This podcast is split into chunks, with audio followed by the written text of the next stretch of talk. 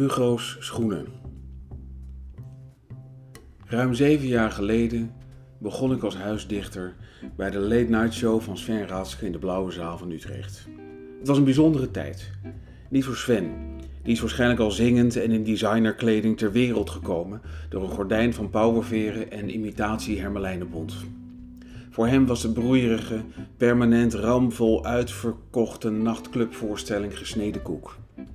Voor mij was alles nieuw, want mijn vrouw was net zwanger van onze eerste dochter. Enkele weken later lag het huis vol roze doekjes, rompertjes, jurkjes en andere babybenodigdheden. Rond die tijd arriveerde per post een grote zilveren schedelring die ik had besteld bij Quartz Hackett.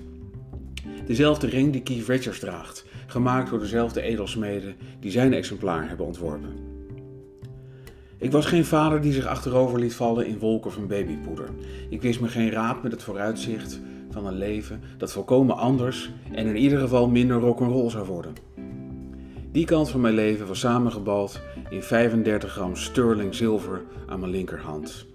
En in de 5 minuten per maand dat ik in de blauwe zaal optrad bij Sven, met mijn gestage uitdijende vrouw achterin, steeds dichter bij de nooduitgang.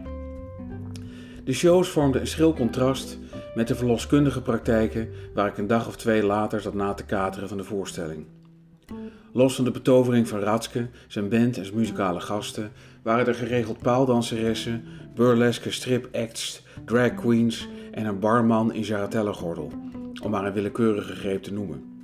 Dat is toch een andere wereld dan een spreekkamer vol houten modellen van foetussen en het soezerige staren naar de duikersklok van de echo waarop mijn dochter vrolijk rondzwom. Het was me direct opgevallen dat Sven, zijn band en veel van hun gastmuzikanten geweldige schoenen droegen. Na een tijdje zeuren was de bassist bereid om het geheim prijs te geven. Het leeuwendeel kwam bij de winkel Mascolori in Rotterdam vandaan. De volgende dag deed ik mijn kievering om, dronk mijn koffie op en reed erheen. Twee jaar later had ik vijf paar. Meer zat er niet in, want tegen die tijd had mijn dochter ook schoenen nodig.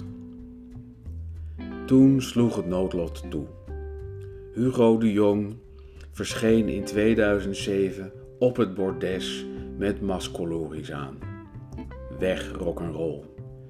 Met mijn tot op de draad versleten laarsjes van imitatie anaconda is nog altijd niets mis. Maar de bloemenmotiefjes blijven voortaan in de kast. Opeens zijn ze te Hugo, te hoera, te CDA.